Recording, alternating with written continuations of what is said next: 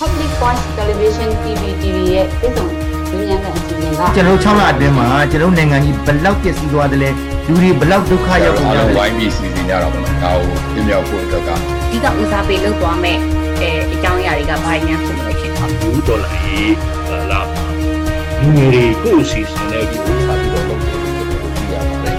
အဲ့ဒီ foundation ကိုဆောက်နိုလို့င်ငံမှာဒီကမြကြီးကိုဗန်ပြည်သူကထောက်ခံတဲ့လှုပ်ရှားမှုရှိတယ်။ဒီကနေ့ရဲ့ပူဇော် ကျေးဇူးပြုရခြင်းရှိပါတယ်ရှင်မင်္ဂလာပါရှင်ပြည်ထောင်စုလွှတ်တော်ကိုစားပြုကော်မတီ CRPH ရဲ့ဥက္ကဋ္ဌလည်းဖြစ်အမျိုးသားဒီမိုကရေစီအဖွဲ့ချုပ်ဗဟိုအလုံးမှုဆောင်ကော်မတီဝင်ဗဟိုအလုပ်ကော်မတီ CWC ရဲ့အဖွဲ့ဝင်လည်းဖြစ်တဲ့ဆရာဦးအောင်ကြည်ညွန့်နဲ့တွေ့ဆုံမေးမြန်းခန်းကိုတင်ဆက်ပေးသွားမှာဖြစ်ပါတယ်ဆရာမင်္ဂလာပါရှင်မင်္ဂလာပါဗျမင်္ဂလာပါ အခုပထမဆုံးအနေနဲ့ကတော့အမျိုးသားဒီမိုကရေစီအဖွဲ့ချုပ်နဲ့ပတ်သက်တဲ့ကိစ္စရပ်လေးတွေကိုအရင်ဆုံးမေးချင်ပါတယ်ဆရာအခုဆိုရင်ဒီ NLD ကဥက္ကဋ္ဌဒုဥက္ကဋ္ဌအပါအဝင်ဘို့အလုံးမှုဆောင်ကော်မတီဝင်တော်တော်များများကဖန်စီထိမ့်သိမ်းခံထားရတာဆိုတော့အခုပါတီရဲ့လုပ်ငန်းစဉ်တွေကိုဘယ်လိုပုံစံမျိုးနဲ့ဆက်လက်ပြီးတော့ဆောင်ရွက်နေလဲရှင်အော်ကျွန်တော်တို့ပါတီတာဝန်တွေရဲ့လုပ်ငန်းတွေကိုဆောင်ရွက်နေတာကတော့အပိုင်းအားဖြင့်ဆိုတော့အဓိကကတော့ကျွန်တော်တို့ NLD ပါတီရဲ့အခုဥက္ကဋ္ဌအပါအဝင်ဟောဥက္ကဋ္ဌဒုဥက္ကဋ္ဌအတွင်းမှုအပါအဝင်ပေါ့နော်အများစု တကယ်ပါတီရဲ့ဘဝလုံးမှုဆောင်အဖွဲ့တွေဖန်ဆီးခံထားရတာဖြစ်တဲ့အတွက်ကြောင့်မလို့ပါတီရဲ့အခြေခံမူဝါဒပိုင်းဆိုင်ရာကိစ္စရပ်တွေနဲ့ဟိုအဓိကအဆုံးဖြတ်ပြီးရမယ့်ကိစ္စရပ်တွေကိုကျွန်တော်လွှဲပြောင်းတာဝန်ယူထားတာမရှိဘူးဒါကြောင့်မလို့ကျွန်တော်တို့ဟိုပါတီရဲ့ရည်တည်ချက်က CEC ပေါ့နော်ဘောလုံးမှုတော်အဖွဲ့တွေအားလုံးလွတ်လွတ်လပ်လပ်နဲ့စုံစုံညီညီအစည်းအဝေးအဲထိုင်ပြီးတော့ဆုံးဖြတ်နိုင်ခွင့်မရှိသေးတဲ့ကာလအတွင်းမှာဆိုရင်ပါတီတွေနဲ့ဒါ အထူးဒီဒီမူဝါဒရေးရာဆုံးဖြတ်ရေးရာကိစ္စတွေမဆောင်ရွက်ဘူးလို့ရည်တည်ထားပါတယ်အဲဒါမှမဟုတ်ဘာရှိတယ်ဆိုတော့အခုလက်ရှိရှိနေတဲ့အခြေအနေမျိုးမှာဟိုပါတီရတကယ်တမ်းကျတော့ဟိုပြည်သူပါတီတရားလိုအမျိုးဖြစ်နေတဲ့အခါကျတော့အဲကျွန်တော်တို့ရဲ့ဥက္ကဋ္ဌဒေါအောင်ဆန်းစုကြည်ပြောထားသလိုပေါ့နော်ပြည်သူရှိနေသူရဲ့ပါတီရရှိနေမှာ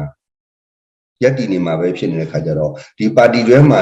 ရှိနေတဲ့အခြေအနေတွေရဲ့အခုလောလောဆယ်ဆိုလို့ရှိရင်ပါတီဝင်တွေရောပါတီရဲ့တာဝန်ရှိတဲ့ပုဂ္ဂိုလ်တွေရောပါတီထောက်ခံတွေရောဟောဖိနှိပ်မှုတွေရှိနေတဲ့အခြေအနေမှာ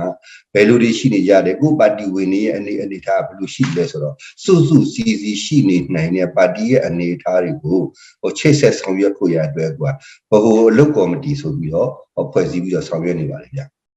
ဟုတ်ကဲ့ပါဆရာနောက်တစ်ခုသိချင်တာကကျတော့ဒီပြီးခဲ့တဲ့နှစ်ကုန်ပိုင်းတုန်းကနိုင်ငံရေးရသိပ်ပြီးတော့အရေးမပါဘူးဆိုပေမဲ့မြန်မာနိုင်ငံကိုလာကြတဲ့နိုင်ငံသားတချို့ရှိခဲ့ပါတယ်အဲဒီနိုင်ငံသားတွေကလည်းဒီမြန်မာနိုင်ငံခီးစဉ်မှာ NLD ကဒီဒုပုဂ္ဂိုလ်တချို့နဲ့တွေ့ဆုံနေဆိုပြီးတော့သတင်းတွေထုတ်ပြန်ထားတာလည်းတွေ့ရတယ်ဆရာအာဒီတော့ဒီ CEC တယောက်အနေနဲ့ရောဟို CWC ရဲ့အဖွဲ့ဝင်တယောက်အနေနဲ့ရောဆရာရဲ့သဘောထားကိုသိချင်ပါတယ်ရှင် ဟုတ်ကဲ့အဲ့ဒါကြဒီလိုပြကျွန်တော်ပါတီအတွက်လုပ်တဲ့အခါမှာကျွန်တော် CUWC ဆိုပြီးတော့ကျွန်တော်တို့ဘဟိုအလုပ်ကော်မတီကိုဖွဲ့ပြီးတော့ဆောင်ရွက်ထားတောင်းမှာကျွန်တော်တို့အဖွဲ့အစည်းအသစ်အနေနဲ့ကျွန်တော်တို့ဆောင်ရွက်ခဲ့တာမဟုတ်ဘူးဗျကျွန်တော်တို့အခုလောလောဆယ်အခြေအနေမျိုးမှာ CEC တဲကနေပြီးတော့နိုင်ပါတီတာဝန်တွေကိုဆောင်ရွက်နိုင်တဲ့ပုံကူနှစ်ဦးရယ်နောက်အရန် CEC တူဦးရယ်နောက်ကျွန်တော်တို့ဒီအာနာမသိင္ကင်တို့ကကျွန်တော်တို့ဘဟိုအလုံးမှုဆောင် အဖွဲ့စုံညီရှိတဲ့အခါတုန်းကပါတီမှာ steering committee တို့တာဝန်ပေးထားခဲ့တဲ့ပုဂ္ဂိုလ်တွေရှိတယ်။အဲ့ဒီတာဝန်ပေးထားခဲ့တဲ့ပုဂ္ဂိုလ်တွေကအခုလက်ရှိပူးပေါင်းဆောင်ရွက်နိုင်တဲ့လုံခြုံမှုအခြေအနေရရောလက်ရှိပူးပေါင်းဆောင်ရွက်နေတဲ့အဲဒီ steering committee ကကိုယ်စားလှယ်တွေရောအားလုံး ဒီကိုဒီလိုဆွဲစုလိုက်ပြီးတဲ့အခါကျတော့သူ့ကိုဘဟိုအလုပ်ကော်မတီဆိုပြီးတော့လုပ်ခဲ့တာဗျအစ်စ်ကျွန်တော်တို့ဖွဲ့စည်းတဲ့ပုံစံမျိုးမဟုတ်ဘူးဆိုချင်တာကဘာလဲဆိုတော့ဒီကာလာထဲမှာကျွန်တော်စောစောကလည်းပနာမှာပြောခဲ့ပြီးသလိုပဲပါတီကနေပြီးတော့ပါတီတစ်ခုအနေနဲ့ကျွန်တော်တို့ရဲ့အလုံးမှုဆောင်ဖွဲ့တွေအစည်းအဝေးဆုံးဖြတ်ချက်မရှာဘူးဆိုရင်ပါတီကိုကူစားပြီးဘယ်သူမှလုပ်ခွင့်မရှိဘူးအခုလောလောဆယ်ပါတီတွေကတချို့ လူလူတွေနဲ့တွေ့ရတယ်ဆိုတော့ဟိုနိုင်ငံတကာလာပြီးတွေ့သွားတယ်ဆိုတာလည်းပဲလူပုဂ္ဂိုလ်ကိုတွေ့တာပဲဖြစ်မယ်ကြပါတီကိုကိုစားပြုခွင့်ပေးထားတာမရှိဘူးသူတို့ကိုယ်တိုင်လည်းပါတီကိုကိုစားပြုပြီးတော့ပါတီကိုကိုစားပြုပြီးတွေ့ခဲ့ပါတယ်လို့ကျွန်တော်ဒီကတွေ့ခဲ့တဲ့ကိုယ်တွေတွေကလည်းဟိုတရားဝင်ထုတ်ပြန်ကြေညာထားတာလည်းမရှိဘူးတရားဝင်ပြောတာလည်းမရှိဘူးလာတဲ့သူတွေကအဲ့ဒါသူက NLD ပါတီကိုတွေ့ခဲ့ပါတယ်ဆိုတော့အနေထားမျိုးတကယ်ဆိုရင်တော့အဲ့ဒါဟိုအလွဲအသုံးချခြင်းခံရတယ်ဆိုတဲ့အနေထားမျိုးပဲရှိတယ် ဟုတ်ကဲ့ပါအခုနောက်ထပ်သိချင်တာကဒီအကြမ်းဖက်စစ်ကောင်စီက NLD ပါတီခေါင်းဆောင်ပိုင်းတွေပါတီဝင်တွေပြီးပါတီကိုထောက်ခံသူတွေပါမကြံပြစ်မဲ့ထားပြီးတော့ဖိနေနာတွေလုပ်နေတယ်လို့ပါတီကိုဖျက်သိမ်းပစ်ဖို့အထိပြောခဲ့ပူပါတယ်အဲဒါမဲ့လည်းပြီးခဲ့တဲ့ရက်ပိုင်းကဒီ NLD ပါတီဆက်လက်ပြီးတည်ရှိနေစေဆိုပြီးတော့အာ ဇော်မင်းထွန်းပြောတာကိုလည်းဖတ်လိုက်ရပါတယ်ပြီးတော့ဒီအခြေအနေကိုကြည့်ချင်းအပြင်အကြံဖက်စစ်ကောင်စီကသူတို့ခင်းနေတဲ့လမ်းပေါ်ကိုဒီပါတီကတချို့လူတွေပက်ထရက်ပါလာမလားဆိုပြီးတော့စကားဆနေတဲ့သဘောလို့ယူဆပါတယ်ဆရာပြီးတော့ဒီပေါ်မှာရောဆရာဘယ်လိုများတုံ့ပြန်ပြောကြားခြင်းလဲရှင်ဟိုအဲ့ဒါကတော့စိတ်ကောက်စီကအခုပြောနေတာကပြောချင်တယ်လို့ပြောပြီးတော့လှုပ်ချင်တယ်လို့လှုပ်နေတာကဘာတိဖြစ်နေ အဲ့တော့စောစောပိုင်းကတစ်မျိုးပြောတယ်နောက်ပိုင်းကျတော့တစ်မျိုးပြောတယ်အခုကျတော့မှ NLD ပါတီတွေကနေပြီးတော့အဲ့လိုခွဲထွက်လာမလားဆိုတဲ့အမျှော်နဲ့ထိုးခွဲဖို့ဆိုတဲ့ရည်ရွယ်ချက်မျိုးနဲ့ဆောင်ရွက်တာလည်းအာဖြစ်ကောင်းဖြစ်နိုင်တာပေါ့နော်သူတို့ရည်ရွယ်ချက်ကဒါတော့ကျွန်တော်သိပြီးတော့မစိုးရင်ဘူးကြ။ဘာဖြစ်လို့လဲဆိုတော့ NLD ပါတီဟို NLD ပါတီတွေကနေပြီးတော့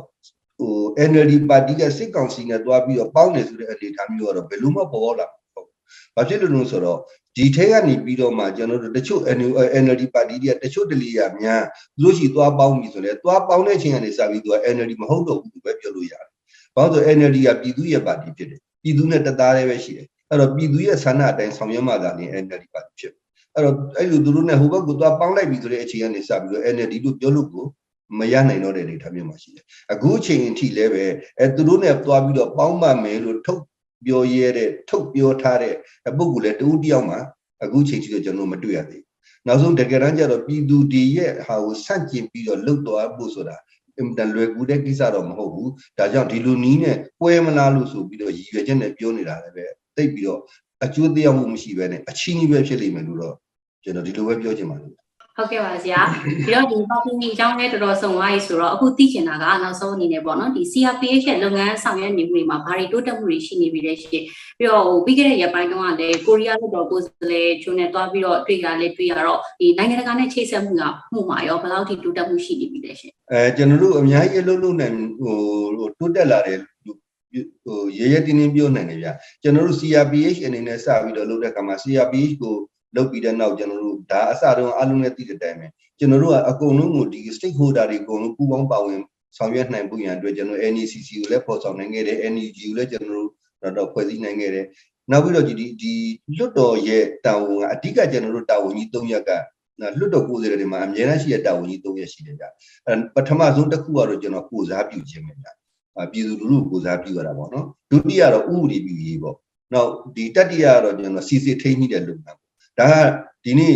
ပြည်သူလူထုကပေးလိုက်တဲ့ mandate ရထားတဲ့ကိုယ်စားလှယ်တိုင်းရဲ့ပခုံးပေါ်မှာအဲ့ဒီတာဝန်ရှိတယ်အဲ့ဒီတာဝန်တွေကိုထမ်းဆောင်တဲ့နေရာမှာပထမဆုံးကိုစားပြုခြင်းဆိုတာဒီကနေ့အခြေအနေမျိုးမှာကျွန်တော်ပြည်သူလူထုကိုစားပြုပြီးတော့နိုင်ငံတကာပါလီမန်တွေနဲ့ကျွန်တော်တို့ဆက်သွယ်ဆောင်ရွက်နေတာဟာပြီးခဲ့တဲ့ credential လိုကိစ္စရပ်မျိုးအထိကျွန်တော်တို့ဘယ်လိုပဲပြောပြောနိုင်ငံတကာမှာကျွန်တော်တို့ရှေ့ကိုတလှမ်းတက်လိုက်နိုင်ခဲ့တယ်လို့ဆိုဟိုဆိုနိုင်တာပေါ့နော်နိုင်ငံတကာမှာရှိတဲ့ပါလီမန်တွေနဲ့ကျွန်တော်တို့တွေ့တယ်အဲ့ဒီပါလီမန်တွေကနေပြီးတော့မြန်မာနိုင်ငံနဲ့ပတ်သက်ပြီးတော့ပါလီမန်တွေကနေပြီး resolution တွေချမှတ်ပြီးတော့မိမိတို့ဆိုင်ရာအစိုးရတွေကိုတွန်းအားပေးဖို့ကျွန်တော်တို့တောင်းဆိုကြတယ်အဲ့ဒီတောင်းဆိုတဲ့အတိုင်းလည်းပဲ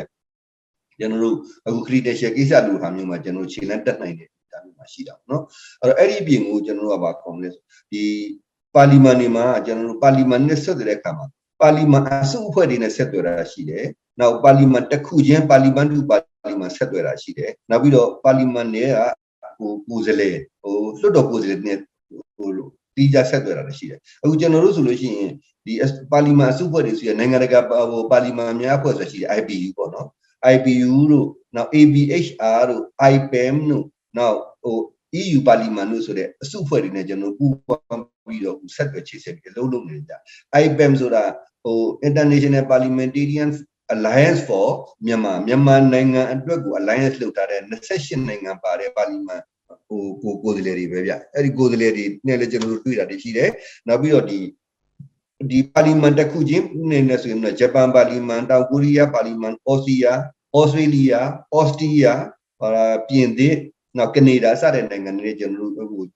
ဟိုချိတ်ဆက်ပြီးတော့ဆောင်ရွက်နေတယ်ဟိုဒလောကဆိုရင်အခုကျွန်တော်တို့အခုကိုဟိုဟာကိုရီးယားပါလီမန်နေနော်အဲသူတို့နဲ့တည်းကျွန်တော်တို့တွေ့ပြီးတော့ ဟိုဆောင်ရွက်နေတဲ့ထဲတိုင်းမျိုးမှာရှိတယ်ဥပဒေပြုရေးကိစ္စနဲ့ပတ်သက်ပြီးတဲ့အခါကျတော့ကျွန်တော်တို့ဒီမှာအသစ်ပြဋ္ဌာန်းလိုက်တဲ့ဥပဒေတစ်ခုရယ်ပြင်ဆင်တဲ့ဥပဒေတစ်ခုသုံးခုရယ်ရုပ်သိမ်းတဲ့ဥပဒေတစ်ခုရယ်ဒါတွေကျွန်တော်တို့ပြဋ္ဌာန်းနိုင်ခဲ့တယ်ဒါလို့ဒီဥပဒေပြုရေးဆိုင်ရာကိစ္စရပ်ကတော့နောက်မှာ NUCC ကမူဝါဒရေးရအောင် NUCC ကနေပြီးတော့ဟို charter ရ NUCC ကနေပြီးတော့မူဝါဒတွေချပါချမှာဖြစ်ပါတယ်အဲ့လို NUCC ရဲ့မူဝါဒနဲ့ charter နဲ့အညီနောက်ပိုင်းမှာဆိုတော့ကျွန်တော်လိုအပ်တဲ့ဥပဒေတွေကိုဆက်ပြီးတော့ဟိုပြဋ္ဌာန်းသွားဖို့ရတယ်ရှိပါတယ် ဒါကဥပဒေပြဋ္ဌာန်းရေးအနေထားမျိုးနောက်ပြီးတော့လက်ရှိအခြေအနေစီစီထိန်းကြီးတယ်ဆိုတဲ့အနေထားမျိုးကတော့အခုတော်လိုင်းရေးကာလမှာဖြစ်တဲ့အခါမှာကျွန်တော်တို့က NUCC ရဲ့ NUG ရဲ့ CRPH ရဲ့ကျွန်တော်ချိတ်ဆက်နိုင်မှုရန်အတွက်ကျွန်တော်ဆိုင်ရာကျွန်တော်တို့ရှိမှာ committee CRPH တမှာ committee ကိုခုဖွဲ့ထားပါတယ်အဲ့ဒီကိုခုထဲမှာဆို NUCC ရေးရ committee ဆိုတဲ့တစ်ခုဖွဲ့ပြီးတဲ့အခါကျတော့ကျွန်တော်သက်ဆိုင်ရာအစိုးရအဖွဲ့နဲ့လွတ်တော်နဲ့ပေါင်းဆက်ချိတ်ဆက်ဆောင်ရွက်နေတဲ့လုပ်ငန်းရပ်မျိုးကိုဟိုဟိုစနစ်စနစ်တကျကျွန်တော်စီစဉ်ဆောင်ရွက်နေတဲ့အချိန်မှာရှိပါတယ် ဟုတ်ကဲ့ပါဆရာအခုလိုမျိုးအချိန်ပေးပြီးတော့ဖြေကြားပေးတဲ့အတွက်ကျေးဇူးအများကြီးတင်ပါတယ်ရှင်ရေတော်ဘုံအောင်ရမည်ရေတော်ဘုံအောင်ရမည်